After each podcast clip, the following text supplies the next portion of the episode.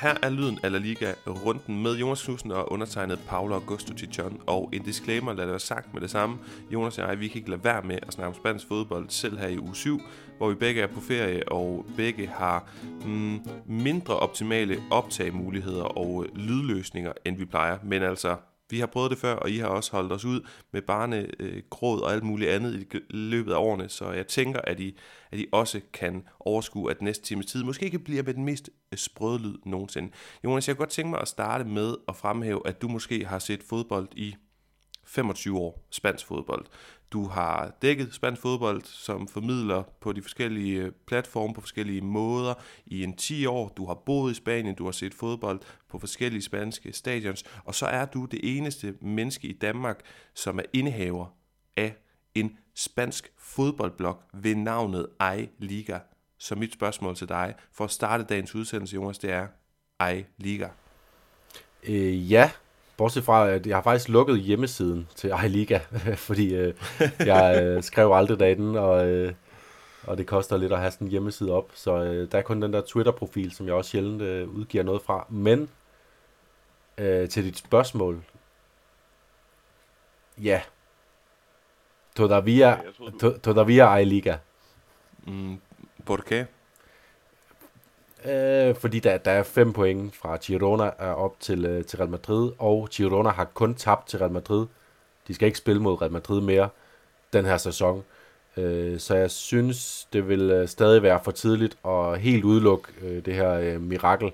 Også fordi nu kommer Real Madrids, øh, kommer Real Madrids Champions League fokus, og det gør det altså også bare i en periode, hvor de, øh, hvor de jo stadigvæk, selvom vi bare sidder og, og måber over, hvordan den gode øh, Carlos, øh, Carlo Ancelotti han øh, løser enhver tænkelig udfordring, der, der falder, falder hans vej, så er det stadigvæk udfordrende, at de har øh, alle deres midterforsvarer skadet i, i en fase nu, hvor de skal ind og spille vigtige kampe hver uge. Selvfølgelig kan de slække lidt på det i La Liga, men jo ikke mere end at øh, øh, to, øh, to gange de glider i bananskralden, så kan det være, at øh, Girona øh, er kommet på fod igen og, øh, og er, melder sig helt ind i kampen igen. Ojalá, ojalá øh, haya liga. Jeg håber og tror på, at der, øh, at der stadigvæk er liga. Det sidste, vi ønsker os, det er altså sådan en liga, hvor et hold øh, løber, ja, af sporet lyder jo så negativt, men øh, simpelthen bare løber fra de andre. Det håber vi ikke sker, fordi øh, det var faktisk en stor overskrift for den her runde, der er spillet runde 24. Real Madrid, Girona første mod anden pladsen. De to hold vi ligesom vurderet med 90, hvis ikke flere procenter, ville vinde mesterskabet ind i de to. Og nu har det ene hoppet over det andet, Real Madrid over Girona. Og det er selvfølgelig noget af det, vi skal snakke mest om i dag. Men vi skal også lige forbi lidt andet. For eksempel Copa del Rey, hvor at vi jo har haft de første semifinale opgør. Vi husker jo, at Copa del Rey er blevet hmm, øh, formatet har ændret sig, vi synes, det er blevet til det bedre. Det er måske ikke helt perfekt endnu, men det er første dobbeltopgør i semifinalen nu. Sådan var, tidligere var det jo helt ned i, når Real Madrid og Barcelona mødte de der små hold fra Tercera, jamen så var det også dobbeltopgør. Sådan er det ikke længere. Kun først semifinalerne og Mallorca, de tog imod Real Sociedad i første semifinale, spillede 0-0, og øh, det var meget klar lyd, pipen havde i La Real-lejren. Vi lå dem simpelthen komme levende for den her kamp, og det er dumt. Men lad os nu se, om ikke øh, trods alt 0-0 er et, øh, er et mere brugbart resultat for Real Sociedad på udebane, end det er for Mallorca. Og så har vi altså Atletico Madrid, der også hjemme ikke gjorde det fremragende. De tabte mod Atletic Klub, og Jonas, det får mig jo til at tænke, de tabte 1-0, skal det siges, at vi sidder vel på podcasten og håber på det der Basker Derby, vi fik i en Copa del Rey-finale for et par år siden, men der kunne de to holds fans jo ikke nyde det, fordi det var under corona, vi husker den her, det var en, øh, en finale, der skulle spilles i 2020, de skubbede den 2021, fordi at de håbede, så kunne der komme øh, fans på stadion fra Atletic Klub og fra Real Sociedad, de var indforstået med at afgive deres plads i Europa for at vente et år, og ja, så spillede de den i 2021. Det blev ikke en memorabel finale. Dårligt spillet. Real Sociedad vandt, og der er ikke rigtig fans på stadion. Jeg tænker, der er tre grunde, sådan hovedårsager til, at vi håber på det her. Så må du supplere, eller sige, hvis du er uenig. Grund nummer et. Den baskiske fodboldkultur, den er simpelthen, det er måske den fedeste, hvis du spørger mig i, i Spanien. Det er den mest autentiske. Og grund nummer to, de to hold her, de spiller begge to fremragende i de her år. De står på, på samme tid for noget egentlig meget ens med brugen af lokale spillere og sådan en elektrisk fodbold, men de er stadig vidt forskellige i den måde, de fortolker fodbold på. Og sidst men ikke mindst, grund nummer tre, det kan godt være, at Real Sociedad vandt et stort trofæ i form af Copa del Rey i 2021, men de kunne ikke rigtig fejre det med sine fans. Det føles ikke super ægte, men hverken, og Atletico, de har vundet nogle Supercopa de seneste 10 år, men ingen af de her to kæmpe klubber har vundet et stort reelt trofæ og kunne fejre det med sine fans siden, ja, deres storhedstid i 80'erne. Er du enig eller uenig? Ja, ja, jeg er fuldstændig enig. Det var, en, øh, det var lidt af en fuser, at den der øh, store baskiske finale dukkede op. Øh, og så blev sådan en øh, mærkelig covid-omgang med udskydning og ikke fans. Og, øh, og, øh, og, og det er så også bare det, at jeg synes, lige nu er, øh, er holdene faktisk også endnu bedre. Måske altså især øh, Athletic Club er blevet bedre siden dengang. Så jeg, jeg tror også, der vil være udsigt til en, til, en endnu, til en finale på et endnu højere øh, fodboldmæssigt niveau. Altså vi har Real Sociedad, som, øh, som er ude og, og spille Champions League i, øh, på den allerøverste hylde. Øh, at de så ikke kan score et mål om, så deres liv afhang af det lige nu i La Liga. Det er en, det er en anden sag, men stadigvæk allerhøjeste øh, fodboldhylde. Og Athletic Klub, der i den her sæson har vist os, at, øh, at de også spejler til at være det med den øh, trup, det hold, den træner, de har lige nu, så, så vi kan få en, øh, en Copa del Rey-finale, der øh, bonger ud på alle parametre, øh, traditioner, øh, rivalopgør øh, og fodboldmæssigt øh, vanvittigt spændende kamp. Også, øh, ja, som du siger, minder måske lidt om hinanden, men alligevel Atletic Klub lidt mere sådan, øh, dynamisk, øh, angriber lidt hurtigere. Real Sociedad, der gerne vil kvæle kampene øh, med bolden. Det kommer, til at, øh, det, det kommer virkelig til at kunne blive en finale med, øh, med, med, med så mange øh, sjove aspekter at følge. Men Jonas, det er jo også dermed, når vi har set de her to hold have succes de senere år i La Liga, så har vi også vi har fremhævet de her fantastiske fanskare i, i de to store baskiske klubber og, og byer, men jo også den her måde, at stadion bare gynger, og nogle gange har vi set Real Madrid og Barcelona og andre hold komme, altså fornuftige hold komme til, for eksempel San Sebastian, og så bare blive overfaldet af stemningen og det her stadion, der gynger. Og de, altså på den måde kan, kan Real Sociedad også noget af det, som vi måske mere typisk fremhæver på katedralen i San Mames, hvor det også gynger og, og sejler, og der er virkelig overfald over det. Så vi håber virkelig, virkelig, virkelig på det. Men Jonas, du har også bedt mig om lige indledningsvis og, øh, og afsætte lidt tid til at kigge frem mod midtugens øh, Champions League opgør, hvor vi både har Real Madrid og Real Sociedad i aktion. Real Madrid, de skal en tur til Leipzig i første 8. finale, og øh, det, de starter altså ude mod Leipzig, og de har jo, den store nyhed er, at Bellingham er ude skadet, øh, talisman der, og så har de altså heller ikke, jeg tror at måske Nacho kommer tilbage. Ja, Nacho men de er kommet med i truppen øh, ved, et, øh, ved et øh, mindre mirakel. Spørgsmål om han er klar til at spille. Vi så jo også, Rüdiger var med i truppen mod Girona, uden han alligevel var vurderet klar, når det kom til stykket.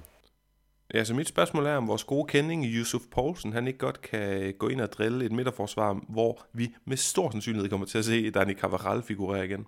Nej, altså det, for mig at se, så er det det mest suveræne midterforsvar, jeg har set i, øh, i, øh, i hvert fald i La Liga den her sæson, og må ikke også de kan tage det med ind i Champions League, Germany og, og Carvajal. Altså, øh, der er jo ingenting, der peger på, at de ikke kan finde ud af at løse en, en opgave. De har lige løst en opgave mod det, øh, det hold i La Liga, der havde scoret flest mål, indtil Real Madrid scorede fire mod dem, og faktisk udlignede de her 52, øh, 52 mål, Girona havde scoret.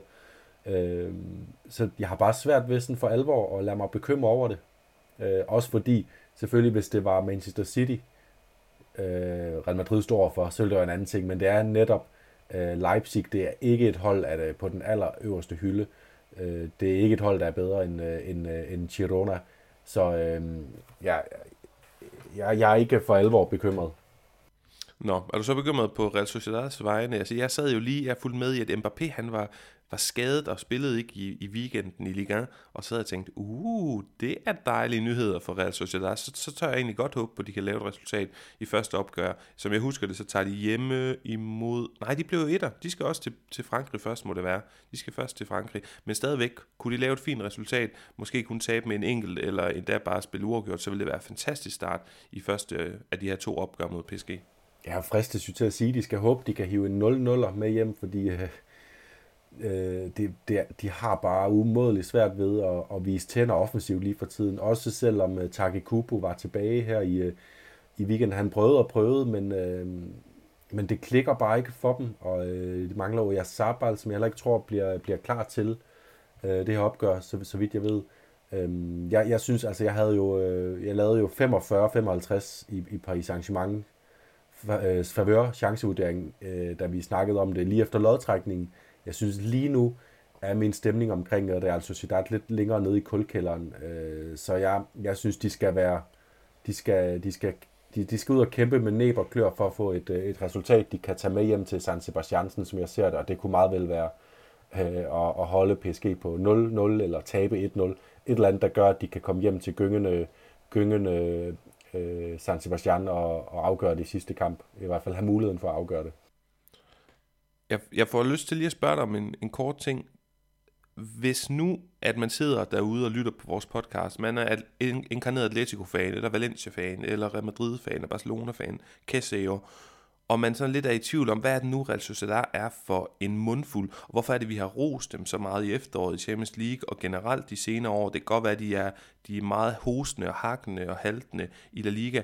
Hvis du sådan lige skulle gri, altså grave frem og, og prøve at opmuntre La Liga-fans, folk med spanske fodboldbriller på at sige, jamen selvfølgelig har Real Sociedad en chance mod PSG, mod mægtige store, store PSG. Og jeg, jeg er udmærket med over Jonas, øh, klar over lige nu, at tendensen nedadgående for Real Sociedad, men de har jo vist os nogle ting de seneste par år, og også bare så sent som i efteråret, der gør, at man absolut godt kan være optimist.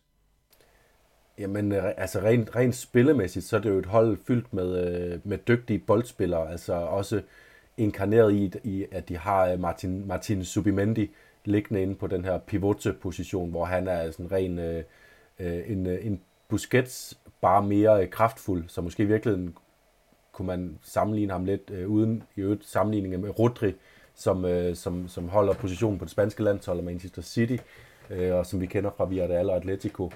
Og så er det altså Sociedad et hold, som er, øh, for, for mig så er det sådan det mest måske det mest sådan, øh, stilistisk modne hold i La Liga. De, de har bare de har altid styr på, hvad de laver, og de er, de er velfunderet rent defensivt, både øh, fordi de har dygtige forsvarsspillere, men fordi, også fordi de er gode til at hvile med bolden.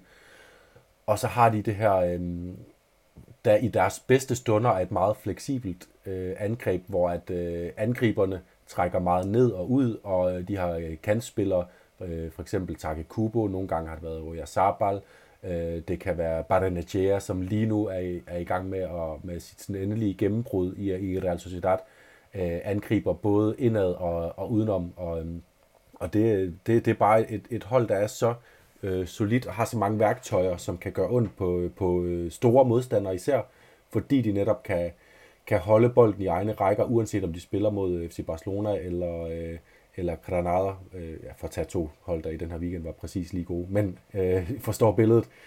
Øhm, og, øh, og, og derfor så, så, er der også, så, er, så er der også gode muligheder mod PSG, fordi det er netop også et hold, der er bedre til at spille mod PSG end mod Mallorca.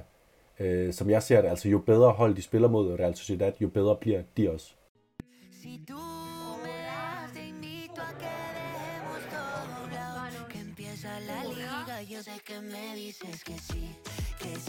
Jonas, hvis ikke jeg har regnet forkert, så er det din tur til at starte med at introducere eh, pundit-quizzen for eh, denne episodes gang. Ja, det er det.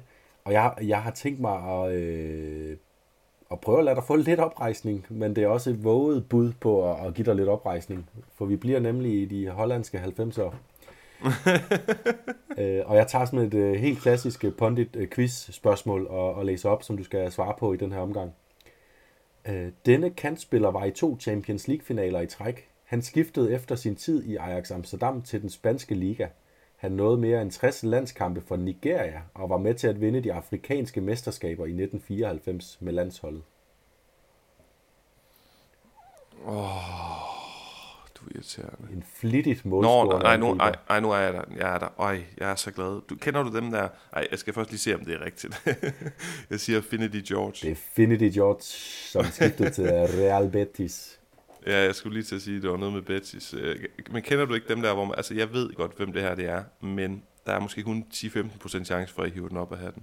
Ja, det, og det var også det, jeg frygtede, at det kunne være, og, så vil, og, det, og det er faktisk, øh, det havde været en utrolig stor skade, fordi det er netop, spørgsmålet er præcis det kort, hvor du kløjes i, øh, i startopstillingen, øh, fordi du troede, det var først Patrick Kluivert og siden Clarence Seedorf, men lige præcis de to var åbenbart ikke med i den anden Ajax øh, to øh, Champions League-finaler.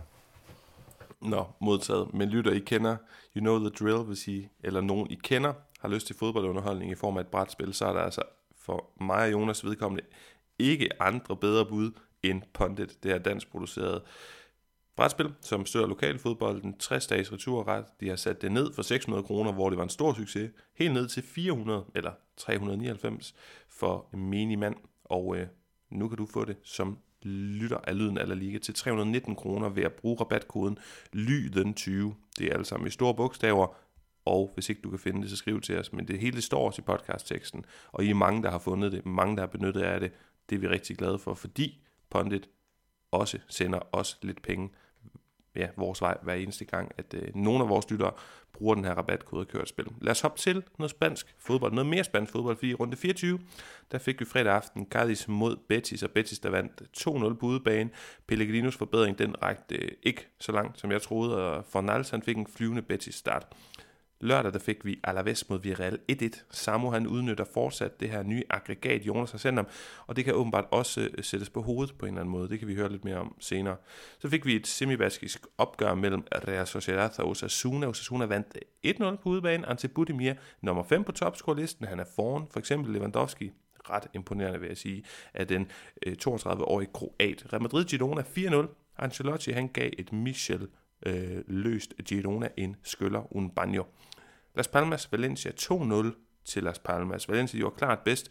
Og så, ja, hvad var der, 15-20 minutter tilbage, og så Garcia Pimentas øh, hold tog sådan lidt ufortjent alle tre point. Men det her projekt på, på Las Palmas, det fortsætter altså med at imponere. Søndag fik vi Getafe Celta 3-2. Getafe de kom foran 2-0, så smed de det hele, så dukkede Jaime Mata alligevel op til sidst. Meget mislykket, nærmest form for hovedstød, men øh, ja, måske var det mere en, en brystafslutning, der sikrede Bordalas mænd de her øh, tre point. Og det er bare, Jonas, den her offensiv, Greenwood, Majoral, altså øh, Jaime Mata, der, der, de har gang i så meget for Getafe, at øh, ja, hvem havde egentlig troet, at man skulle sige det for et år siden? Jeg synes, det er meget imponerende. Nå, Mallorca, Rayo 2-1, Sevilla, Atletico 1-0 til Sevilla. De er måske en smule bedring. Atletico, ja, de kan altså ryge ud af top 4 i aften, eller i hvert fald komme af point med, øh, med Atletico Klub, hvis jeg har regnet rigtigt. Mandag aften, vi sidder op til ham mandag formiddag. Og til sidst, Barca mod Granada 3-3. Fuldstændig uventet målorke mellem upåagtede Granada og så haltende FC Barcelona. Og den her reaktion, som Xavi han håbede at se, da han sagde, at han smutter fra klubben til sommer, den lader vente på sig. Men Jonas, lad os lige prøve at starte med, øh, med nogle små hmm, nedslag. Hvor kunne vi starte? Vi kunne prøve at starte med, når du kigger på tabellen, jeg synes, den, den knækker over nogle ret åbenlyse steder. Jeg ved ikke, om du er enig med mig. Øh, jo, vi har vores øh, Champions League-kandidater i top 5, og selvfølgelig mesterskabskandidat helt i toppen øh, i Real Madrid. Øh, og så knækker den vel også øh, under Getafe på en eller anden måde, mellem Getafe og Osasuna. Ja, jeg er nemlig meget enig i, i at altså faktisk mellem fra Betis og Real Sociedad. Det er nemlig det, fra Betis og Real Sociedad helt ned til Getafe. Ja, der skal jeg ikke begynde at, at kloge mig for meget på det. Altså, og der, er jo, der ligger jo nogle overraskelser i det her felt. Altså Las Palmas, som, øh, ja, som ikke er langt bag Real Sociedad, og Betis på Øh, syvende og sjette pladsen øh, har vi, hvad hedder det, altså der har vi også det Retafe, vi har Valencia, vi har, jeg vil sige, Retafe, Valencia og Las Palmas er for mig at se nogle store overraskelser, de ligger i det her felt, og det, det danner bare for mig at se en sindssygt spændende kamp om en europæisk billet, som formodentlig er på spil til en af de her tre hold. Så er mit spørgsmål, hvem kunne du bedst tænke dig at se trække en europæisk billet? Retafe, Valencia, Las Palmas? Øh, jamen, øh, det, der må jeg faktisk svare Valencia, fordi øh, jeg, jeg trænger til, at Valencia øh, får alle de øh, krykker, vi overhovedet kan give dem, til at, at løfte sig op i, øh, i en position, hvor de i det mindste kan bide sig fast i subtoppen øh, over de kommende sæsoner, og så derfra måske yderligere øh, bygge et stilas lidt længere op i tabellen. Altså det ved jeg godt, det er fantasterier i den situation, de befinder sig i lige nu. Øh, men øh, alt, hvad der kan, alt, hvad der kan afholde Peter Lim fra at udhule øh, øh, den sportslige styrke i den klub, og måske en, øh, en billet ud i Europa, vil kunne gøre sådan en lille forskel i, øh, i mindsetet der. Så, så der, vil jeg, der vil jeg håbe på, på Valencia. Og så er det jo spændende, at vi, vi er vant til at se den her syvende plads som en, øh, som en sådan relativt sikker vej ud i Europa, fordi Copa del Rey-vinderen plejer, øh, plejer gerne at, at, at øh, komme fra, fra top 6, men lige nu ligger Real Sociedad jo på syvende pladsen. og kan meget vel også være dem, der vinder Copa del Rey, hvis øh, Las Palmas så overhaler Real Sociedad og får den syvende plads, der plejer at give, give øh, Europa-billetter. Så får de jo en lang næse. Ja, det skal vi selvfølgelig have holdt øje med, og der er også noget med de her koefficientpoint, jeg ikke har sat mig frygtelig godt ind i, og i hvor høj grad. Jeg tror ikke, det sådan er, er videre sandsynligt, men der er vist en stadig en chance, alt afhængig af hvor godt øh, de spanske hold gør det i de europæiske turneringer i foråret, at femtepladsen altså også er en, øh, er en Champions League. Ja, de, de skal bare overhale enten øh, England eller Italien på, hvor godt øh, landekoefficienten ender samlet for indeværende sæson. Så det, det vil sige, der ligger Italien og England lige nu på de to pladser, der giver en ekstra Champions League-billet. Og øh, ja, der, det er jo nok mest sandsynligt at kigge ind i, at, at, at Spanien kan overhale Italien, og der kunne det jo være rart, for eksempel hvis øh, Barcelona slog øh, Napoli ud i Champions League, hvilket er lidt af en 50-50 kamp efterhånden, hvis du spørger mig. Ja, og man kan, der kan man selvfølgelig også begynde at spekulere der med, jamen Liverpool er ikke med i Champions League, Arsenal og City er vel de eneste, der er gået videre. Chelsea ikke med, Tottenham, altså der var flere hold, Newcastle, der røg ud og så videre, så øh, United røg også ud af Champions League.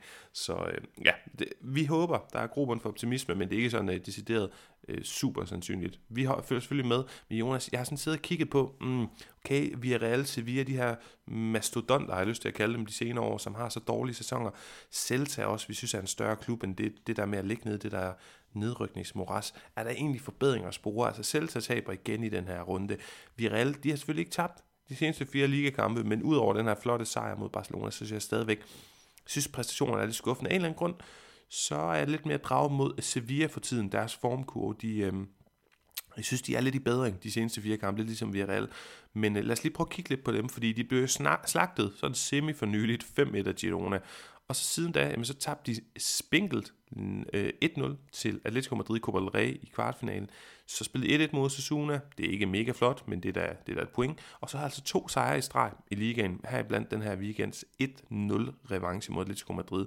Og så spurgte jeg vores, øh, vores go-to guy på Sevilla, Tim Larsen, hvad er der noget at spore? Hvad sker der? Hvad er forklaringen her på den her lille forbedring? Og han siger, jamen formations mæssigt, der, der veksler Kike Sanchez Flores mellem 3-5-2 og 4-4-2, og så er det en vigtig faktor, at han altid gerne vil spille med to angriber, og det gør det sådan lettere at få rykket spillet frem på banen, og så har vi jo altså det her fænomen Isak, som øh, han skriver, er sindssygt god. Altså han er simpelthen bare fuldstændig fantastisk. Øh, han, er, han, skriver, han er sendt fra himlen. Voldsomt god, hurtig, stærk, gennembrudstærk, og så ved han, hvor målet står og har scoret både med hovedet og fødderne. Han er for vild. Og så er der noget med, at truppen er blevet lidt yngre øh, fordi at han gør brug af de her Candelanos, Giga Sanchez Flores. Og så siger han, en anden vigtig spiller, det er Sumare, Sumaré, som er en vigtig bølgebryder inde på midten. Hans type har de savnet siden Fernando var på sit bedste i Sevilla, trods alt nogle øh, sæsoner siden.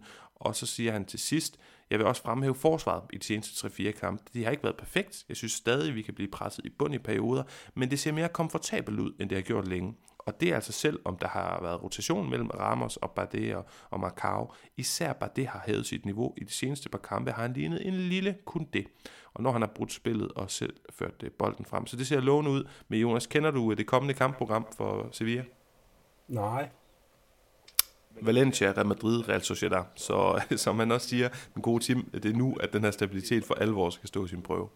Jamen, så er det også super godt, at de lige har fået hentet øh, lidt og er 6 point øh, foran øh, Cardiff, fordi det er jo det, det handler om stadig for Sevilla at, at lægge afstand til den her skrækkelige bundplacering, de er havnet i. Men, men ellers er, er jeg også meget enig i de uh, takter. Jeg, jeg kunne virkelig godt lide, altså nu er det faktisk, det, jeg har ikke set så meget Sevilla den her sæson, simpelthen fordi det har deprimeret mig. Det har gjort mig for deprimeret at, at gøre det fordi det er så langt fra det Sevilla, vi kender. Øh, men, men noget af det, jeg virkelig godt kunne lide i den her Atletico-kamp, det var at se, hvordan øh, Ocampos hele tiden, altså Ocampos, han fik bare tildelt venstresiden.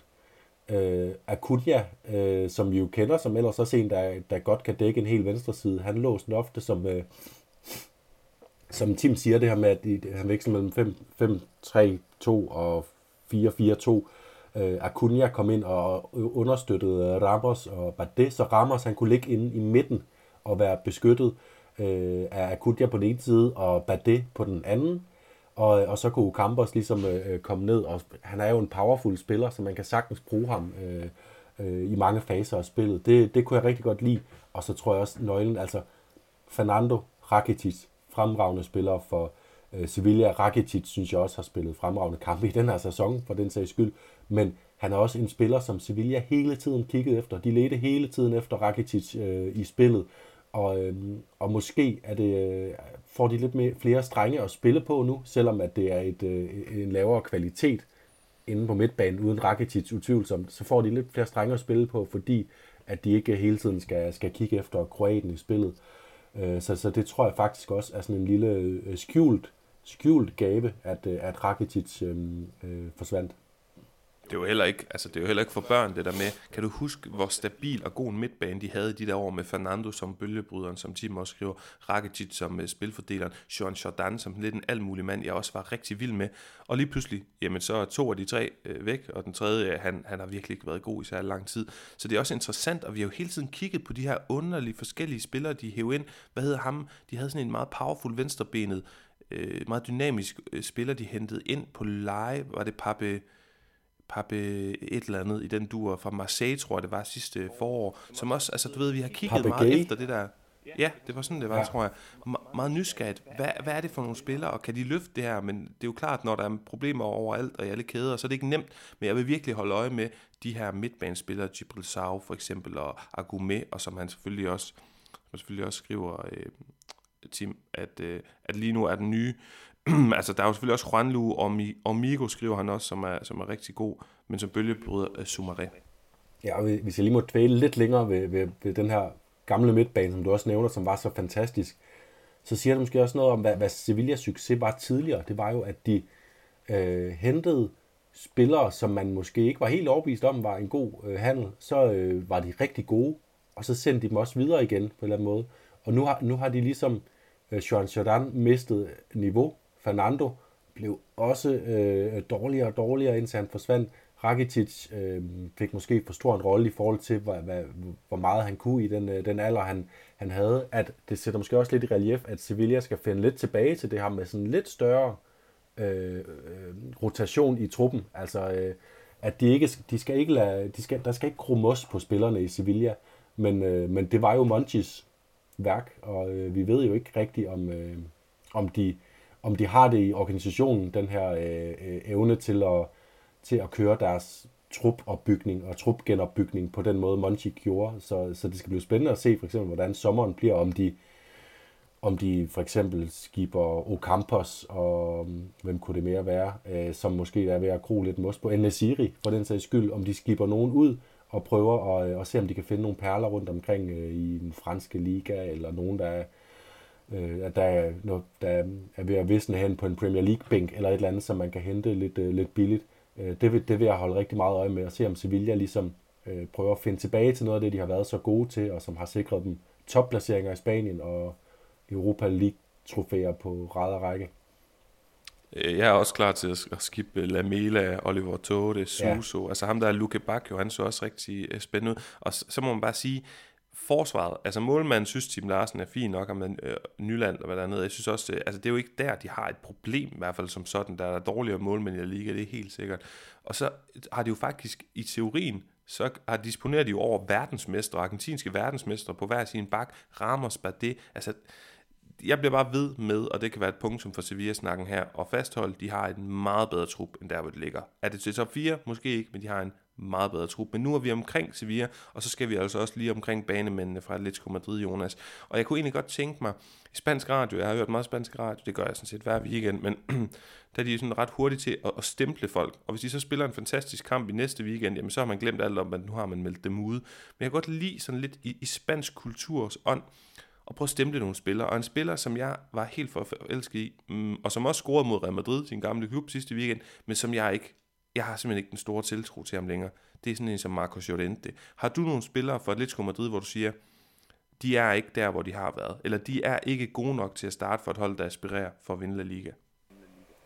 Øh, ja, altså jeg har det jo igen, jeg har det med, øh, med de to hardhitter, som, øh, som Simeone han nu øh, besidder i, i truppen øh, nede i forsvaret, nemlig øh, Stefan Savic, som jeg, øh, det kan godt være, det er ved at udvikle sig til, jeg har sådan lidt for stort horn i siden på ham, men, øh, men, men jeg synes, han er en, øh, han er en, en risiko for Simeone at have dernede. Gabriel Paulista, som er kommet ind, kan man sige lidt det samme om, og jeg er også i tvivl om, han har, har niveauet til at løfte opgaven for, for Atletico. Øh, han havde det lige knap i Valencia, øh, men øh, selv, selvom han sluttede stærkt af med, med, med en udmærket sæson her i år, så har det også været op og ned der for ham. Øhm, og så synes jeg, Rodri Riquelme, han har været udfordret på det seneste, når han har spillet den her øh, wingback-rolle. Jeg tror, han trænger til at, at få en, en, en anden position. Altså, det er, han var, var, var strålende i Girona i, på den her venstre angriber øh, offensiv midtbaneplads, og, øh, og har også i perioder lignet en, der godt kunne løse og få den her store opgave, der er at sådan omdanne sig til, til wingback. Men, øh, men han har set udfordret ud, øh, ud på det seneste i rollen, synes jeg.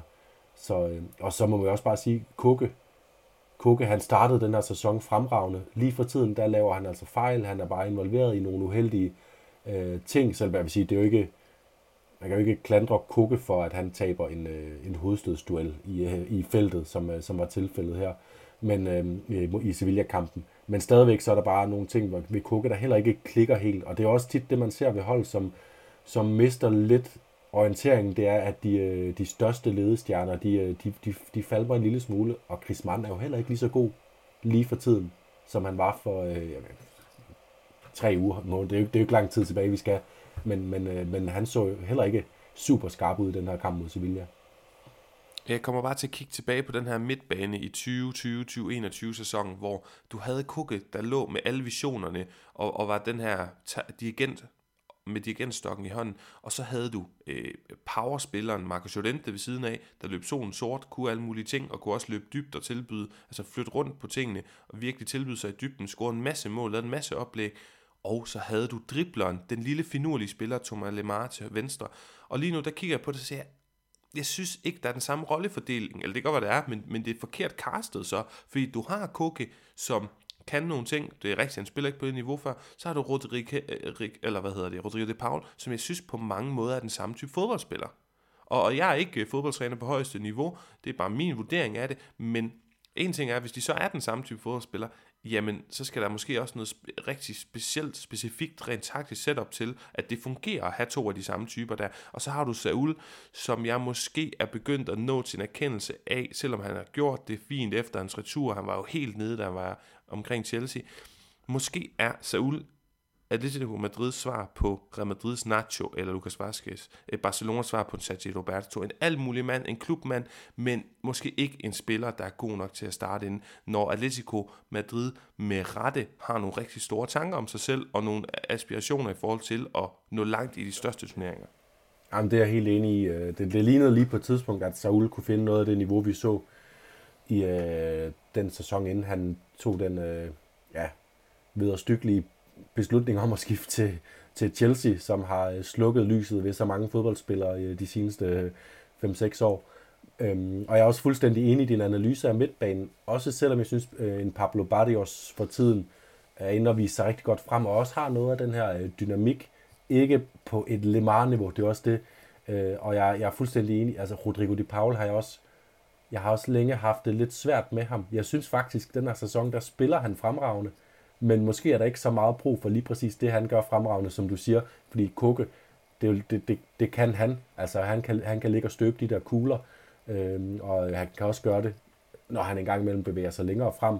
Så, så jeg, jeg vil også meget gerne se øh, øh, Llorente inde på den her øh, midtbane, i stedet for ude på wingbacken. Også fordi, jeg synes, Atletico er allerbedst, når de har Nahuel Molina. Øh, Øh, især øh, når Morata ligger op foran, fordi så, kan, så, så er indlægget, indlæg relevante, og Naul Molina er excellente til at komme frem til indlæg. Altså det er, det er lige før, når han har, når han har været bedst, så har, øh, så har Atletico ikke savnet Kieran Trippier, som ellers var, øh, var, var så fremragende for dem. Så, så det kunne jeg godt tænke mig at se, for eksempel i, i deres, når de skal spille de her Champions League-kampe, som jo bliver totalt sæsondefinerende for dem nu, hvor det ser så svært ud i ligaen, og også i Copa del Rey, hvor det ikke er mange, der går op og vinder en 0-1'er på, på, på San Mamés. Øh, så kunne jeg godt tænke mig at se Jolante på midtbanen. Øh, det kan godt være, at det skal, skal være sammen med Di Paul og, og Kukke, men et eller andet, der, der giver dem lidt mere øh, energi tilbage, fordi det var det, vi også så dem have tidligere sæsonen, hvor jeg roste dem så meget for deres øh, sprudlende, øh, altså det boblede sådan af optimisme og idérigdom deres fodboldspil, og det gør det bare ikke helt på samme måde lige nu. Det er blevet lidt mere fastlåst igen, og så er det Griezmann, man kigger efter, og så er det bare traditionelt svært, når man er en mand, der skal, der skal, der skal skabe tingene. Ja, det kan du sige til Vinicius Junior, og så tror jeg, han er uenig med dig, fordi hvis vi hopper til Bernabeu og lørdag aften eh, øh, rundt den utvivlsomme partidazo på forhånd, det blev ikke så spændende, som vi havde regnet med, og det kan vi vel primært tilskrive Vinicius Junior, Jonas. Jeg kunne godt lige tænke mig at inddrage den gode Mitchells citat øh, efter den her kamp, så siger han, Vinicius, han er, ja, for det første siger han, Ancelotti, han er den bedste i verden. Det kan vi diskutere.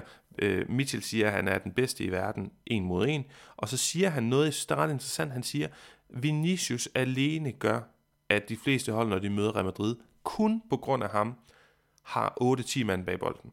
Altså, hvis, hvis det var Rodrigo, der spillede på Brahim, så ville det være anderledes. Det, at han er så hurtig og så, øh, så sindssygt øh, øh, skarp i sine driblinger og i sin træk, han kan simpelthen han kan drive bolden et sted, fra et sted til et andet, ligesom vi så lidt med Usman Dembélé, da han var i Barcelona. Jamen, det gør, at holdene sætter sig fuldstændig anderledes op, og der hele tiden er to-tre mand på ham. Han var ustyrlig i den her kamp. Han scorer et, øh, et langskudsmål. Det er ikke det, vi kender ham mest for. Så laver han en, en, en Modric eller Ricardo Caresma ode med sin aflevering i dybden til Bellingham.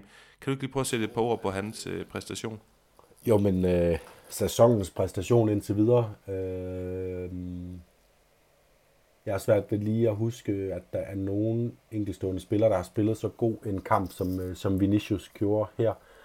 Øh, det kan selvfølgelig være nogle af Tironas rigtig gode kampe, at Savio har, har været lidt deroppe af, men det her, det var bare på et, øh, det var det var på det der niveau, så, hvor man øh, ikke kan overhovedet ryste på hovedet af, at øh, Carlo Ancelotti var ude og, og rose ham øh, så højt op over skyerne efter kampen, fordi det var, det var fuldstændig fantastisk. Og, og det, det, det høres også med, at, at, at hans første aktion jo nærmest i kampen er det her skud, det her langskud, øh, perle. Øh, og, og derfra så, så, så er han jo bare bygget op, altså så går der nogle minutter, så løfter han lige bolden hen over øh, Jan Kauto i den første af mange ydmygelser til den, øh, til den stakkels lille, lille brasilianer med det lyserøde hår. Og, øh, og, og så kan man bare se, det her, det, det, det går bare en vej. Det kan ikke gå anderledes, end at Vinicius, han kommer til at, at tage den her kamp og, øh, og gøre alt det, som vi, vi kender ham for, når han er bedst. Og det gjorde han, og det var øh, ja, enestående. Enestående Men... fodboldspil af Vinicius. Men Jonas, med frygt for at forfalde sådan til dogenskab og, og hurtige analyser, er han ligesom forskellen på Real Madrid og Girona i den her kamp? Det, det er svært og øh, det, det er svært at lege med tanken om, at han ikke var der, fordi han betød så meget for kampen. Men jeg synes jo også, at hans, øh, hans, hans tro væbner, især dem øh, nede på midtbanen, Kammervenga, Jude Bellingham, Fede Valverde, øh, spillede også fuldstændig forrygende. Og det, som var øh, det er, at Girona det er jo et hold, der spiller med høj risiko. Og når Real Madrid de så har en øh, midtbane, som dækker hele bredden af banen, og som alle sammen har evnen til, at lige så snart de erobrer bolden, så kan de bare drive forbi de første to-tre mænd, åbne spillet, og så, er det, så kan de finde Rodrigo eller Vinicius, øh, og så er man bare straks på hælene. Det var gift for, for Girona, så jeg, jeg tror, at den her kamp havde, øh, den her kamp var gået Real Madrids favør, også uden Vinicius, men det, kan jo, det, det havde nok været tættere i hvert fald, fordi øh, Vinicius har noget, som ingen andre Real Madrid-spillere heller har, i at kunne, øh, kunne, kunne sætte det afgørende stik ind. Altså den måde, han sætter Jan Kauto på i den situation, der ender med, at Bellingham scorer i øvrigt med sin øh, skadede fod. Det er, jo, øh, det, er jo, det er jo noget, vi ser to-tre spillere på verdensplan, der kan, der kan lave. Det, det, det er dejligt, sådan, at du får, du får faktisk svaret på et spørgsmål, jeg tænker mig at, at stille dig. Også lidt anderledes, fordi jeg har sådan noteret mig det her med, som du siger, Kammervinga, Bellingham, Federico Valverde, hva, altså vi roser dem, vi er ligesom enige om, at nu er det her generationsskifte, selvom Kroos er en, er en fuldstændig fundamental del af Real Madrids spil, og spiller fantastisk, og vi håber selvfølgelig, at han forlænger, jamen de her tre unge dynamiske spillere, vi, vi roser dem meget, de har ligesom gjort deres indtog på, på og, og, og gennemført det her generationsskifte. Der er ikke nogen Casemiro, der er ikke nogen Modric længere, selvom han sidder på bænken, går ind. Men så havde jeg egentlig tænkt mig at spørge, om ikke du ville nuancere deres roller lidt. Hvad er det ligesom, der, hvad, hvad har de af roller i det her øh, maskinrum hos Real Madrid, og hvem, hvem imponerer dig mest? Men du siger jo egentlig noget meget interessant, som jeg ikke har tænkt over før, det er, at de, de kan nemlig alle tre det samme. Altså de kan stå der, og så vil jeg måske supplere det, du siger, og sige, jamen de kan alle sammen takle, de fylder noget fysisk, også, og det synes jeg er meget en undervurderet ting, det har jeg sagt mange gange, at, at hvis ikke du er voldsomt overlegen på dit spiludtryk og dine idéer, jamen så en spiller som Pedri, Gavi, altså de her små spillere, hvis ikke de kan takle igennem, hvis ikke de står der også rent defensivt, jamen så, så bliver de måske en svaghed på midtbanen, hvor de her tre monstre, rent fysisk, jamen de kan også takle igennem, de kan vinde hovedstødsduel, de er gode på, i duellerne, og så, som du siger, lige snart de har erobret bolden, så går det bare fremad.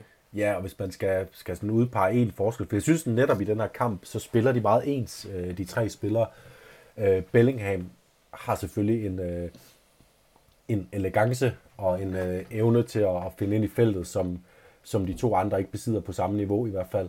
Øh, hvorimod så Camavinga og Valverde, men det er jo lige så meget strukturelt, at de har nogle andre opgaver i at understøtte for Camavingas vedkommende Mandi og, og øh, Cavaral, og for Valverdes vedkommende Chouamani og Vasquez i at, at beskytte de her øh, mellemrum foran dem, hvor at vi også ved, at øh, Savio og Chigankov, øh, Porto for den sags skyld, vil kunne gøre ufattelig stor øh, skade, og det, og det er bare opgaver, de løser, og det er også det, der kendetegner den her, øh, det her Real Madrid-hold, at øh, ja, det er kæmpe stjerner, kvæg at de spiller for, for Real Madrid, men, øh, men der er ingen, der er ingen stjernenykker, jo heller ikke, øh, Bellingham ligger jo heller ikke og venter på, at øh, Real Madrid vinder bolden, for at han så kan, øh, at han så kan få lov at sætte spillet.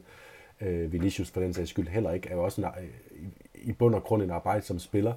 Så det er bare en, det, det, det, er, det, det er et af de mest sympatiske, hårdt arbejdende Real Madrid-hold, jeg nogensinde har set, og samtidig så har de en kvalitet, som er, som, som, som er, er fuldstændig øh, på toppen. Altså det er, det, det er fantastisk at se Real Madrid lige for tiden.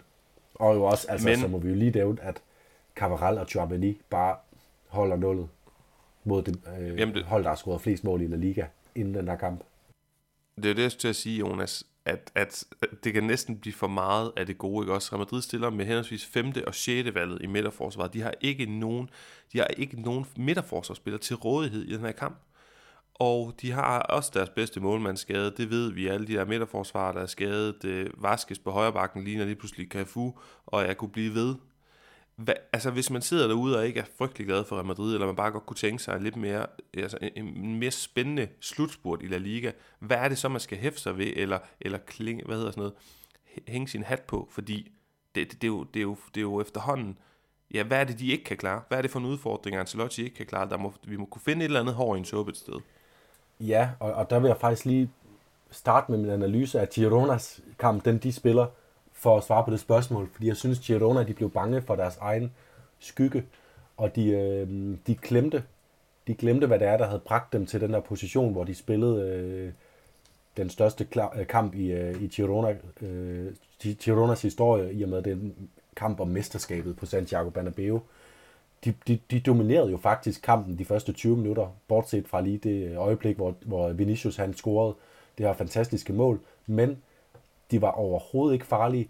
Det, det vi så, det var, at Savi og Chigankov egentlig bliver sat i nogle gode positioner, hvor vi ved, at de plejer at, øh, at blive legesyge, prøve at finde nogle sjove løsninger, enten med afleveringer øh, ind, igennem, øh, ind igennem forsvaret, eller ved selv at udfordre. Den her kamp, så trådte de på bolden og spillede den tilbage.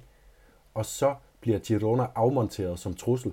Og derfor så, så var det også måske en nemmere kamp for Carvaral og Tjormani, end man kunne have frygtet. Altså Girona var ikke for alvor en trussel på noget tidspunkt i den her kamp. Selvfølgelig skyldes det også det gode arbejde, Cavaral og Chouamani lavede. Især Cavaral, synes jeg, har mange overlegne øh, øh, aktioner, både i at, øh, at vinde bolden, men også i at øh, med, med, med hvilepuls øh, fører bolden ud af spillet, så det nærmest lignede den, det, det, det, som øh, Daley Blind plejer at rende rundt og lave for Girona. Men de blev ikke udfordret så meget, som man kunne have frygtet, og det, det kunne man jo godt tro, at, øh, at andre hold vil være, være dygtigere til, fordi øh, Girona var ramt af noget, noget frygt, noget, øh, de, var, de var underkuget i den her kamp, og, øh, og, jeg, og jeg tror, vi kommer stadigvæk til at kunne se, at der, der må være sprækker i et midterforsvar med Carvaral og, og Chouamani, eller med Carvaral og Nacho, eller Chouamani og Nacho, eller hvordan det nu, øh, hvordan det nu bliver sat sammen fra kamp til kamp. Så, så det er det, man skal hænge sin hat på, men jeg synes, øh, hattehylden, den er, den, den, er, den er meget smal, så du skal, du skal have, virkelig have flamas din, din hat for at kunne, kunne presse den derind, fordi det ser så godt ud, det Real Madrid laver. Ved du hvad, nu snakker du om, om der må være sprækker et, et sted. Et sted, hvor jeg har observeret store sprækker i den seneste tid, og især den her weekend, og især søndag aften, det er hos FC Barcelona, som lukker tre mål ind mod, ja, lad os bare være ærlige, elendige Granada. Et Granada-hold, som jeg elsker, som jeg, ja, har ikke rigtig nogen anden grund til det, end jeg har boet i den her by og set det her, det her hold spille hele 16-17 sæsonen, og derfor er de også elendige, og det er de stadigvæk. Men, øh, men derfor så har de en underlig plads i mit hjerte. Jonas, de formår at score tre mål mod et øh, FC Barcelona, et FC Barcelona-mandskab, som har Marc-André Ter Stegen tilbage i buret.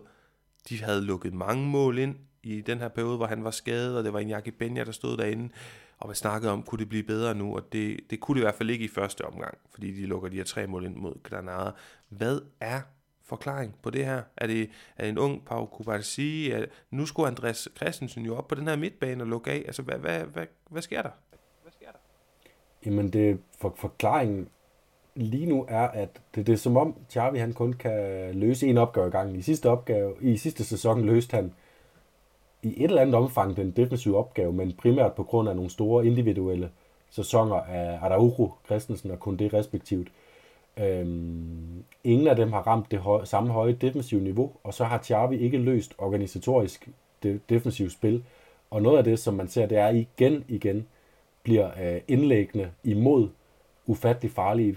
Jeg synes jo, i, øhm, øh, øh, billedligt gjort ved, at endnu en gang er der en situation, hvor, hvor to Barcelona-forsvarsspillere nærmest står og, og kæmper om, hvem der kan, kan se mest øh, klodset ud i en clearing, og så ender det med et mål, der, der kun det i det her øh, tilfælde går op i en duel med nærmest med Kubarsi, og så er resten af, så er resten af, øh, resten af feltet efterladt tomt, fordi der står to forsvarsspillere det samme sted og prøver at clear bolden. Det er uafstemt, og, øh, og det er uharmonisk. Og det samme har man jo kunne sige om offensiven store del af sæsonen. Det kunne man så ikke i den her kamp, fordi Lamin Jamal og Petri og til dels Gündogan øh, spillede på et ufatteligt øh, højt niveau i den her kamp. Altså det var, der var øh, smuk fodbold fra FC Barcelonas side, og, øh, men de kan bare ikke koncentrere sig om, øh, om øh, to ting ad gangen, øh, og det, det er det, der for mig at se udgør et uharmonisk hold, som er, som er forkert instrueret, eller forkert trænet. Der, der er et eller andet bagvedliggende, som bare er helt galt, når FC Barcelona går på banen, som gør, at de er så sårbare hver eneste gang. Fordi med det, som, øh, som de tre spillere, jeg lige nævnte, præsteret offensivt, så burde Barcelona jo have vundet den her kamp 3-0. Ja, og du kan sige, eller man vil kunne sige, at det her med, at jeg skal til at spekulere i, i nye spillere til midterforsvaret lige om to sekunder, så kan folk sige, at men det er måske ikke det, og det er trænerarbejdet. Ja, ja, men altså, så kan vi også, hvad skal vi så snakke om? Vi står ikke på træningsbanen, vi, vi, vi kan ikke rigtig kloge os på, hvordan han netop træner dem, og det, det, det, det vil virkelig blive spekulativt, og, og desuden, så vil det nok blive lidt kedeligt, fordi for det første har vi ikke indsigten, og for det andet, så er der også noget med navne, og det er jo det fodbold, hele fodbolddebatten, den, den går ud på de her navne også tit, og pege nogen ud og finde nogle mere simple, overskuelige, konkrete forklaringer. Og du siger netop, du nævner de her tre midterforsvar, der gjorde det så godt sidste sæson, jeg vil lige sige, over dem stod for mig målmanden også, og når du så er i gang med at sige, at de ikke spiller gode sæsoner, det er jeg for øvrigt fuldstændig enig i, så kan jeg ikke lade med at koble det med, at øh, der er rigtig mange bejler til Araujo, ham kunne du tjene rigtig mange penge på at sælge, hvis han stadigvæk har en værdi fra ja, altså omkring de 100 millioner euro. Og så vil jeg sige, Jonas, at du har Edik Garcia, som har set meget bedre ud, end han gjorde i Barcelona i Girona i den her sæson. Du har, hvad hedder han, Chadi et eller Chadi andet i, ja, i Real Betis. Du har Mika Marmol i Las Palmas. Altså, gode gamle Barca-drenge. Hvis det var mig, så vil jeg sælge øh, Araujo til højst bydende, og så vil jeg sige, okay, vi kører kun det, måske øh, AC, kun det AC og Inigo, så okay, I tre er ligesom dem med hår på brystet. I får lov at starte kommende sæson, men prøv at se, vi har to, vi henter to af de her tre unge drenge tilbage, vi har Pau Guarasi, og jeg kan godt love jer, at hvis I ikke tager gevaldigt sammen, så øh, får de her unge Barca-drenge lov at spille i stedet. Og, og så på den måde, så man kunne skabe en form for konkurrencegen i det, men det er jo rigtigt, bare lige for at lave den øh, opsummering. Nu målmanden lige kommer tilbage med de tre midterforsvar, der var så gode sidste sæson. Ja, de har været alle tre dårlige i den her sæson, i hvert fald dårligere. Det har vensterbakken fra sidste sæson, Balde jo også. Og så er det jo også svært, når hele ens bagkæde fra sidste sæson spiller væsentligt dårligere, end de gjorde i fjor. Ja, altså jeg, jeg, er, til, jeg er til dels, jeg, jeg, jeg, jeg, jeg, jeg kan godt gå med på, at der vil være en idé i at sælge Ronald Araujo nu, og, og også fordi jo, det er jo fuldstændig luksuriøs midterforsvar, Xavi han har til rådighed. Inigo Martinez, en af, altså konsekvent en af de bedste midterforsvar i La Liga øh, gennem de sidste 10 år for henholdsvis Real Sociedad Athletic Club, kunne det. Fransk landsholdsspiller, altså et af de bedste landshold øh, meget, meget, meget længe på verdensplan, øh, ødelagde, øh, eller var, var en af de bedste allerede i Sevilla, er det stadigvæk nu Andreas Christensen, som er, var øh, sikkerheden selv i en, øh, en mesterskabssæson, og så Pau Kubarsi, øh, som er øh, det, et af de største forsvarstalenter, jeg har set bryde igennem meget længe, i hvert fald lige på det lille datamateriale, vi har fået nu. Men den aller, allerbedste årsag til, at man skulle sælge Araujo, det synes jeg er klubbens økonomiske situation, og netop, at man har de her fire allerede i truppen. Og så kunne man måske godt hente en af de der hjem. jeg tror ikke på Erik Garcia i Barcelona. Jeg, jeg synes bare, det var så... Øh, ja, det, det, det var så usikkert, det han leverede, at, at det, øh, der, der er et eller andet, der siger mig, at han ikke kan komme igen der. Men øh, en af de andre måske, øh, især øh, Mika Marmol i, øh, i Las Palmas, kunne jeg godt se komme til Barcelona og så være øh, femte mand i, øh, i, en, i et midterforsvarkæde, hvor man så har øh, tjent nogle penge på en øh, spiller, og så brugt de penge på at polstre truppen et andet sted. Fordi vi ved jo i hvert fald, at hvis Barcelona de sælger Araujo til, jeg ved ikke, hvad han kan sælges til, 70 millioner euro, et eller andet, så kan de ikke bruge alle pengene på at hente en, øh, en øh, ny pivot, men de kan bruge nogle af dem, og, øh, og de skal ud og øh, de skal ud og lave sådan en samsur med en collage for at kunne finansiere noget som helst til sommer. Så derfor så kan jeg godt gå med på ideen om at sælge Araujo, men ikke så meget på grund af det sportslige, fordi hvis jeg var en træner, der skulle overtage Barcelona i næste sæson, så ville jeg sætte mig ned og sige, Martinez, Kunde, Kubarsi, Christensen, Araujo, luksus. Bare lad det blive sådan der, så skal jeg nok få det til at spille. Uh, sorry, det, du, ja, du har fuldstændig ret, og jeg glemte at, at netop highlighte, at den primære årsag var selvfølgelig naturligvis økonomisk, som du også selv øh, får sagt, Jonas. Og så fordi alternativerne er så gode, og du kan sige, okay, men lad os sælge Pedri, ja, så har du Ferdinand, du har du har Frenkie de Jong, du har Gavi, men ah, på, på, der er ikke den samme bredde der. Så det var egentlig bare det, jeg lige ville nævne. Jonas, lad os lige ganske kort lige hæfte os ved den her øh, 16-årige kantspiller, som er den yngste spiller i La Ligas historie til at score to mål. Han er den yngste spiller til at nå 10 mål, altså være direkte involveret 10 mål, 16 år, øh, ja, nogle dage øh, så hører jeg rigtig meget det her narrativ med, at Lamine Yamal skal man passe på. Man skal ikke spille ham for ofte. Xavi er en klovn for at spille ham så ofte. Man skal beskyttes fra opmærksomhed, fra skader. Og han bærer simpelthen, så kommer den klassiske joke der med, han får snart en rygskade eller en skulderskade, for han bærer FC Barcelona offensivt for tiden. Og det gør han jo. Hvor er han vanvittig god. Er du enig i den der, eller er det bare spil, spil, spil? Øh, jeg synes tidligere på sæsonen var der øh, på et tidspunkt, hvor der blev lagt for meget over på hans skuldre, fordi han havde øh, leveret et par gode kampe. Barcelonas offensivspil fungerede ikke, så han blev sat ind, og så var han, det, øh, så var han ligesom øh, øh, fokuspunktet. Det var ham, man, øh, man både øh, os, der sad og så på, og også holdkammeraterne kiggede efter, når man synes der skulle ske noget offensivt for FC Barcelona. Og det tyngede ham øh, for meget. Han spillede nogle rigtig dårlige kampe i en periode der, lige efter han havde fået debut på det spanske landshold, mener jeg faktisk, det var, at han øh, ramte en bølgedal. Når han spiller sådan, som han gør nu, så er der ikke nogen, så skal man ikke beskyttes fra noget. Så skal man beskyttes mod en træner, der har tænkt sig at skifte en ud, eller sætte en på bænk, eller et eller andet. Så skal man bare spille, spille, spille. Ligesom vi har set øh, øh, Leo Messi og Ronaldo med deres øh, sult bare vil spille alle kampe, om det så er Copa del Rey i øh, Salamanca, ind på banen med mig. Jeg vil score, jeg vil øh, sprudle, jeg vil spille, jeg vil spille hver tredje dag, og bare udfolde mig det er der, Jamal er øh, lige nu. Øh, han er stadigvæk ung, så der skal nok komme bølgedale, og så skal man også være, øh, så skal man også være god i de situationer til at beskytte ham. Det er der, man skal træde ind og sige, okay, så starter du ude, så kan det godt være, at Mundo Deportivo laver en, øh, en øh, syrlig artikel om, hvorfor spiller man ikke med Jamal, når man spiller 0-0 i Osasuna og ikke kan score. Men det er fordi, han ikke er det rigtige sted. Det skal man som træner kunne vurdere. Men, men, øh, men i den her situation, han skal bare spille og spille, fordi han kommer også til at spille fremragende næste weekend, det er jeg sikker på.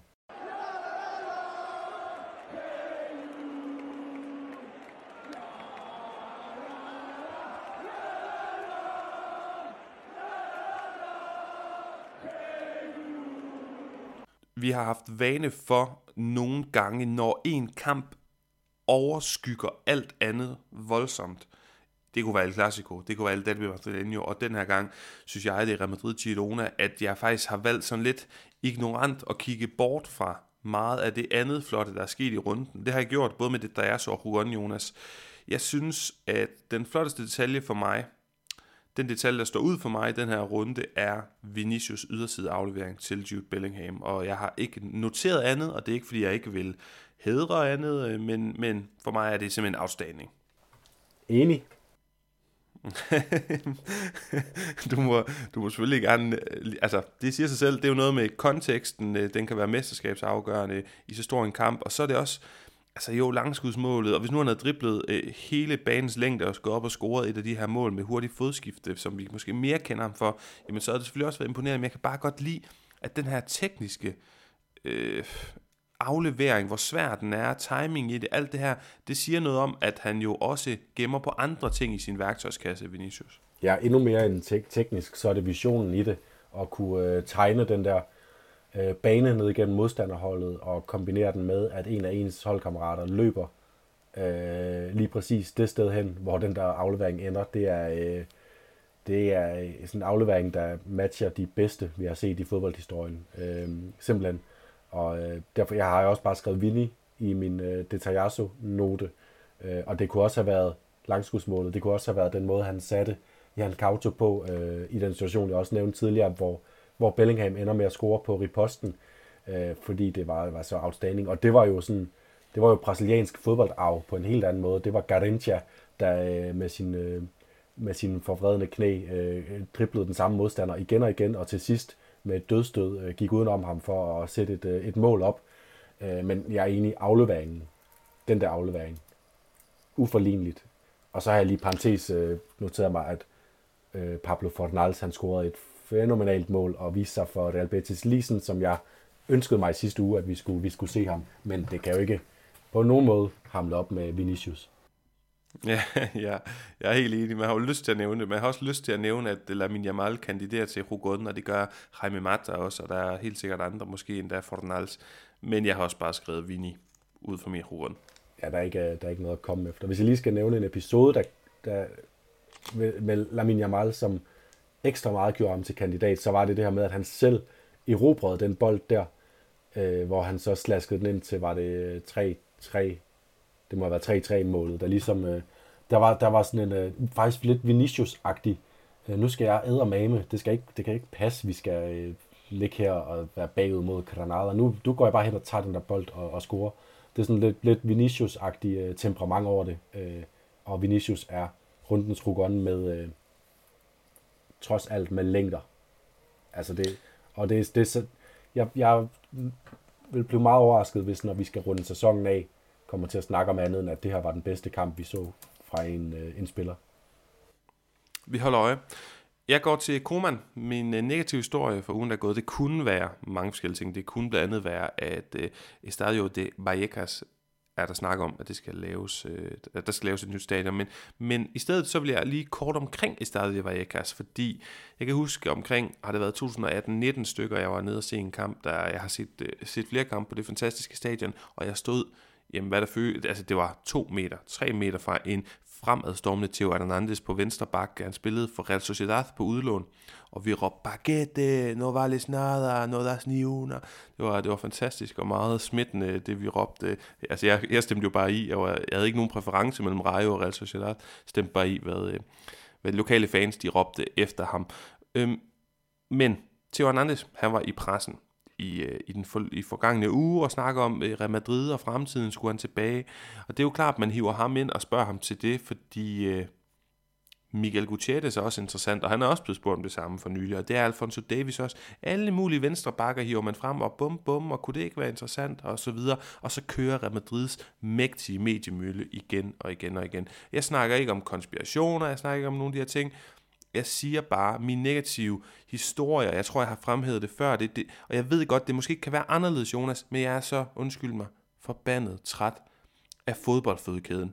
Jeg er så træt af, at Frank Garcia var sådan en oplevelse at se, dengang han spillede i Rayo, og nu er han bare fuldstændig marginaliseret Real Madrid. Og jeg ved, det kommer til at ske igen.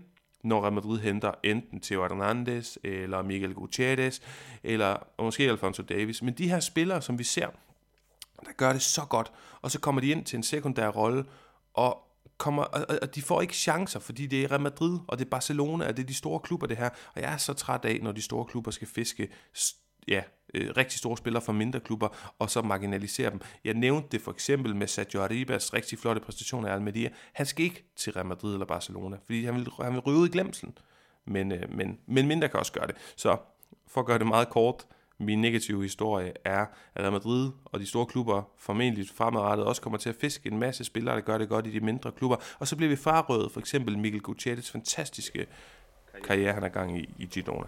Som La Liga-fan kan jeg kun øh, knipse anerkende af den måde, du får affaret AC Milan som en, øh, en mindre klub, man kan hente spillere fra. Også Brian Diaz, vi snakker jo netop om det samme med ham. Altså, han har også været i AC Milan og er kommet ind, og lige nu er der positive vibrationer omkring ham, men man sidder jo også stadig med den her fornemmelse. Det kan godt være, at han bare øh, ender med også at, at blive marginaliseret visne hen, øh, når Real Madrid henter en angriber til sommer, og der er flere mere konkurrence om, om positionerne, og også om positionen som, som, som første reserve til at blive skiftet ind på både midtbanen og angrebet, hvor han jo så heldigvis for sig selv kan gøre sig lidt begge steder. Men, øh, men jeg er meget enig i problemstillingen, og, og jeg ærger mig også meget over Frank Garcia, øh, at han ikke ser mere overbevisende ud, fordi det, det, det, gør han, det gør han jo så heller ikke. Jeg synes heller ikke, han har været så dårlig, som han nogle gange er blevet udskrevet til for, for Real Madrid.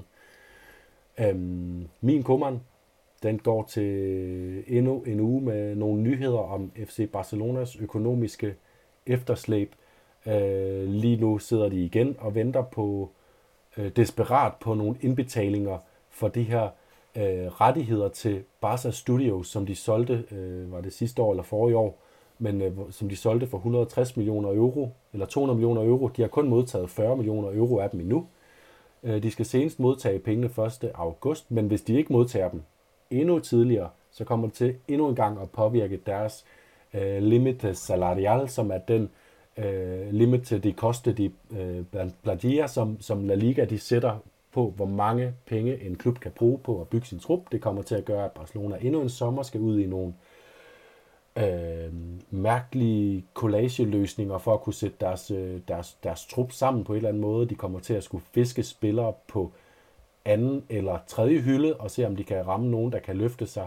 Og øh, måske skal de sælge Araujo, og måske skal de sælge Frankie de Jong for overhovedet at kunne få lov til at, og, øh, at lave noget. Og det er bare endnu en, øh, endnu en trist nyhed om en, en klub, der virkelig kæmper, og nu på alle parametre, fordi de også kæmper øh, på banen, Vores sidste sæson, der blev det jo holdt sådan lidt stangen, fordi okay, de er også ved at vinde en liga, de har egentlig en meget god trup, og det, det synes jeg også, de har nu i øvrigt, øh, men, øh, men det er bare så, øh, det er så dystert det hele, og Jean Laporta skulle også angiveligt have øh, kastet med kanapéerne op i, øh, i, øh, i logen på øh, Stadion øh, Montjuic, øh, efter den her 3-3-resultat mod Granada i frustration over, at man endnu en gang ikke kan overkomme en øh, modstander, som man burde være betragteligt bedre end. Så øh, endnu, min kommand går til sådan de dystre omstændigheder oppe på det her bjerg i Barcelona. Og, øhm, Så, ja. Ja, jeg vil bare hoppe til noget, noget mere positivt, Jonas, fordi der har været meget snakke om, at øh, en af sponsorerne hos Girona valgte i central i en plads i Madrid at hænge et stort banner op, hvor der stod Cuando el curriculum no lo es todo, altså når CV'et ikke er alt. Og min positive øh, historie, er det den, er det ikke den, er det omtalen, den, den handler i hvert fald lidt om den, fordi efter den her kamp, hvor Ancelotti har sat øh, Mitchell løse de under på plads. Så bliver han spurgt ind til det, og Ancelotti, han, er, der er mange ting, der, der ikke er så fede ved ham, men der er virkelig mange ting, der er rigtig cool ved Carlo Ancelotti, og en af dem er hans måde at håndtere pressen på, og vi har jo vi har draget de her sammenligninger med folk, der brokker sig meget. Simeone for tiden brokker sig over... Øh, hvad hedder det, kampprogrammet, Xavi over skader, og at uh, La Liga está adulterada, altså den er faktisk, uh, hvad hedder det, adulterate, den er, fixet. Den er, den er af, ja, den er fixet ligaen. Det er så vanvittigt dumt at sige. Nå, men Ancelotti, han forholder sig roligt, og da han så blev spurgt ind til, hvad synes du om det her lidt semi-polemiske, eller i hvert fald provokerende banner, Girona havde valgt at, at hænge op, eller en af deres samarbejdspartnere, en af deres sponsorer havde valgt at hænge op i Madrid, så siger han, mm, de må have mange penge, fordi lejen i, Madrid, eller lejen i Madrid, central i Madrid, den er dyr. Og det er, synes jeg, så elegant, fordi det han lige gør, det er et lille bitte svirp med halen. De har mange penge, og det kan være, det er mig, der bliver for akademisk nu, Jonas fortolker for meget. Det må du jo så sige, om du er enig eller uenig i. Men det, jeg synes, han siger implicit, det er, nu skal vi ikke gøre Girona mindre, end de er fordi vi ved alle sammen godt, hvem der er deres bedste far, eller, eller hvordan vi skal kalde rollefordelingen i det her konglomerat med Manchester City og City Group, så, så, så meget, i så høj grad er de heller ikke en lille bundeklub øh, fra, fra El Pueblo. Altså, der er nogle tråde igennem Girona, som gør, at de måske også kan spille med nogle økonomiske muskler. Og alt det får han pakket ind i sådan en lille fin verbal pakke, vil jeg bare sige. Hvad synes du om, om, om det, her, det her banner? Han siger bare, de må have mange penge, for lejen i Madrid er dyr. Ja, det kunne jeg også øh, virkelig godt lide. Også selvom at, øh, man må så også bare sige, at de tørre facts er, at øh, nu får vi vende tilbage til det der med, med øh, La Ligas grænse for, øh, eller, en, for budgettet, trup, øh, klubberne har for at bruge på trupper, der ligger Girona bare på et meget ydmygt niveau, øh, og er jo øh, er det 10 gange mindre end Real Madrid nærmest, eller sådan noget. Øh, men stadigvæk synes jeg også, det var øh, genialt sagt, og min kæmpe, den går til selve den her øh, den her reklame, øh, som øh, Girona sponsor Marlix, som ifølge min research er dem, der har opfundet og patenteret og øh, produceret det her plastik, som blandt andet øh, bruges i hula hop ringe. Øh, fantastisk, fantastisk sponsor. Og så er det jo bare et genialt sponsorengagement, synes jeg, at øh, okay, vi har betalt en masse penge, okay, så står vi på deres trøjer, så man kan se vores navn, men de går lige sådan skridtet længere og involverer sig i klubben på en, øh, en relevant og øh, også sjov måde, synes jeg. Altså, jeg synes, den har, den har også åbenbart hængt, det var faktisk ikke klar over, øh, omkring Montjuic, da de skulle øh, spille øh, udkamp mod Barcelona. Øh, så det er sådan en, de turnerer lidt med, og jeg kan godt lide, at, øh, at øh, når nu klubber er så afhængige af sponsorer, og vi skal se dem over det hele, altså vi bliver jo, vi bliver jo øh, eksponeret ufattelig meget for sponsorater, når vi sidder og ser, ser fodboldkampe, også stakkels øh, øh, uskyldige mennesker. Men, øh, men når de så øh, engagerer sig på den her måde, så synes jeg lige, at det, øh, at det giver lidt ekstra mening, altså, og det, det er genialt tænkt. Genialt sponsorengagement, det troede jeg aldrig, jeg skulle sidde og sige i vores podcast her. Men og Jonas, det er også bare vigtigt lige for at supplere, jeg har ikke noget mod Girona, og vi har snakket om dem rigtig, rigtig meget i den her podcast. Sidste sæson, hvor de var rigtig gode som oprykker, og den her sæson fantastisk. Ros dem, farede de der åndssvage, øh, ak- hvad hedder det, altså accusations, øh, beskyldninger af var, fordi det er ikke den primære forklaring på det her er Mitchell og en fantastisk, er det Kike Carcel, han hedder? Ja, øh, Kike Carcel, øh, sports, Kike Carcel Øh, øh, hvad hedder det, som også er underligt, han hedder øh, fængsel, men, men i hvert fald, øh, et fantastisk arbejde på, på de indre linjer, og det har ikke særlig meget at gøre med, med Manchester City og City Football Group. Men jeg synes bare, at øh, selvom jeg ikke har noget imod det øh, statement, de, de laver med den her, det her banner, så synes jeg stadigvæk, at man kan rose Ancelotti for på en meget fin måde øh, og, og, og altså det er jo ikke at kaste mudder igen, men du ved, bare lige at, at svare igen, fordi fodbold bliver sgu så pisse poleret og, og politisk korrekt en gang imellem, og det er fint, at man kan have, for det er god banter at hænge sådan en lille ting op fra Jonas sponsorer side. Vi skal jo ikke gøre dem, Girona som fodboldklub, for talsmand for det her, for det er jo ikke dem, det er der sponsorer, men fin banter, fint lige at hænge den op, og så er det fint, at Ancelotti svarer igen, uden at, at, at bølgerne går højt, eller det bliver polemisk eller kontroversielt osv. Nej, der er jo, der er jo intet ondt blod. Altså, det er jo bare ren og skær... Øh, det, det er jo en vittig bemærkning med et vis grænt salt, så øh, endnu en gang elegant øh, Ancelotti pressearbejde. Så har jeg både fået ros sponsorengagement og pressearbejde i den her. Nå, skal vi hoppe videre til øh, det, det på forunderligste vis handler mest om for mig i de her i de her uger og måneder, siden vi begyndte at lave score altså på de her forudsigelser, så må jeg bare indrømme, at jeg kan sidde og være fuldstændig altså forblændet af, hvad, er det, hvad håber jeg, der sker i en, en ligakamp og en ligarunde, men kun at mine ting går i opfyldelse. Altså jeg sidder bare og siger yes med en, en knyttet næve, når at øh, mine ting går hjem, og når de ikke gør, så tænker jeg pis. Det er faktisk, øh, det er utroligt, hvor meget det, det optager mit, uh, mit humør, Jonas. Men lad os lige prøve at høre forudsigelserne en opsummering. Ja, og så kan jeg jo så lige spørge, hvordan tror du, jeg havde det, da Rosello gik op og skulle sparke det straffespark? Mm, jeg kan slet ikke huske, jeg er så egocentreret, jeg kan slet ikke huske, hvad det er, Nej. du byder på. Det var nemlig det. For jeg har jeg gættede jo på, at der skulle komme mindst fem mål i Real Madrid Girona. Det var den ene. Og så at Real Madrid skulle vinde. Det var den anden. jeg kunne have scoret to point, hvis, øh, hvis Real Madrid... Hvis, jeg synes jo også, det er mærkeligt, at Rosello overhovedet skulle sparke det der straffespark. Jeg synes, man skal vælge sin bedste straffesparkskytte. Han har brændt tidligere i sæsonen. Jeg ville altså have sat Vinicius, Bellingham... Bellingham var ikke på banen, men øh, ikke, jeg, jeg vil altid vælge en mere vigtig spiller i truppen til at sparke de straffespark. Men det til side, det er også bare en bitter mand. Jeg får et point for at gætte på, at Real Madrid vandt. Det gjorde de jo i overbevisende stil. Og du får også et point, hvor du havde gættet på, at øh, Getafe skulle vinde over Celta Vigo. Og det gjorde de jo til øh, Jaco Aspas i øvrigt ufattelig store øh, frustration. Han kaldte det ikke en juvenil-fejl, men en kadette-fejl, altså en U15-fejl af um, Unai Nunez, som spiller bold lige op i skoen på en Getafe-spiller. I en fase, hvor Celta har udlignet til 2-2 og ligner et hold, der skal gå efter 3-2, så smider de det hele på gulvet igen. Øh, og giver dig et point.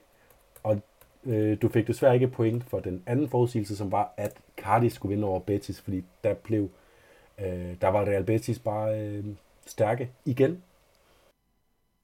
Ja, Jonas, jeg vil gerne have lov at lægge ud med den første i hvert fald. Øh, jeg har faktisk to på plads, jeg har tænkt mig over dem. Vi starter lige med den ene. Øh, Mallorca, de slår Real Sociedad i næste runde, fordi øh, Real Sociedad, de har CL Blues, eller de har i hvert fald arbejdet hårdt og har fokus på den her Champions League-kamp mod PSG. Så jeg tror, at de er, de er ramt af det, og derfor kan Mallorca aprovechar, de kan udnytte det, og de vinder mod Real Sociedad. Kan vi lige stoppe den her, fordi det er lidt interessant. Jeg, jeg har lavet en forudsigelse med nogle forbehold om samme kamp.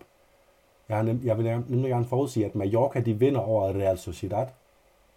Med mindre Real Sociedad vinder kampen i Paris, øh, i Paris mod Paris Saint-Germain, så tror jeg ikke, Mallorca vinder. Fordi at det, som øh, Real Sociedad har brug for lige for tiden, det er et selvtillidsboost. Får de det, så øh, taber de ikke på Mallorca. Altså, det er det, du byder på? Ja, det er mit ene bud. Så det, det vil sige, det kan, mit bud kan ændre sig, hvis Real Sociedad vinder over Paris Saint-Germain på udebane. Så gætter jeg på, at Mallorca ikke vinder over Real Sociedad. Men ellers gætter jeg på, ligesom dig, at Mallorca vinder over Real Sociedad. Jamen, det synes jeg lyder fint. Det skal vi ikke bare køre med det? Jo. Hvad er dit andet bud? Ja, mit andet bud er sådan lidt specielt, for det skrev jeg før Barcelona-Granada-kampen gik i gang. Der skrev jeg Celta mod Barcelona. Begge hold scorer. Der kommer minimum fire mål i alt, men Barcelona vinder. Og så så jeg så, at meget af det kampbillede, jeg havde forventet, ligesom var det, jeg fik i, i, i Barcelona-Granada. Altså mange mål, og så regnede jeg selvfølgelig med, at Barcelona ville vinde. Og og nu er jeg sådan lidt lunken ved de her mange mål, fordi kommer det virkelig til at ske to gange i streg. Men jeg tror, hvis jeg må sætte et point på spil, så vil jeg sige, Celta Barcelona, begge hold scorer minimum fire mål i alt. Og så, og så lader jeg være med, altså, ej, men Barcelona, de, de vinder jo den kamp. Oh, øh, og jeg tager den også med, og Barcelona vinder. Og begge hold, jeg skal lige, begge hold scorer fire, så det bliver mindst 4-4. Nej, nej, Ah, okay. begge hold scorer, komma, Jeg er med. minimum fire mål i alt, og Barcelona vinder kampen. Minimum 4 i alt, og Barcelona vinder kampen. Min sidste forudsigelse er, at Girona, de vinder på San Mamés.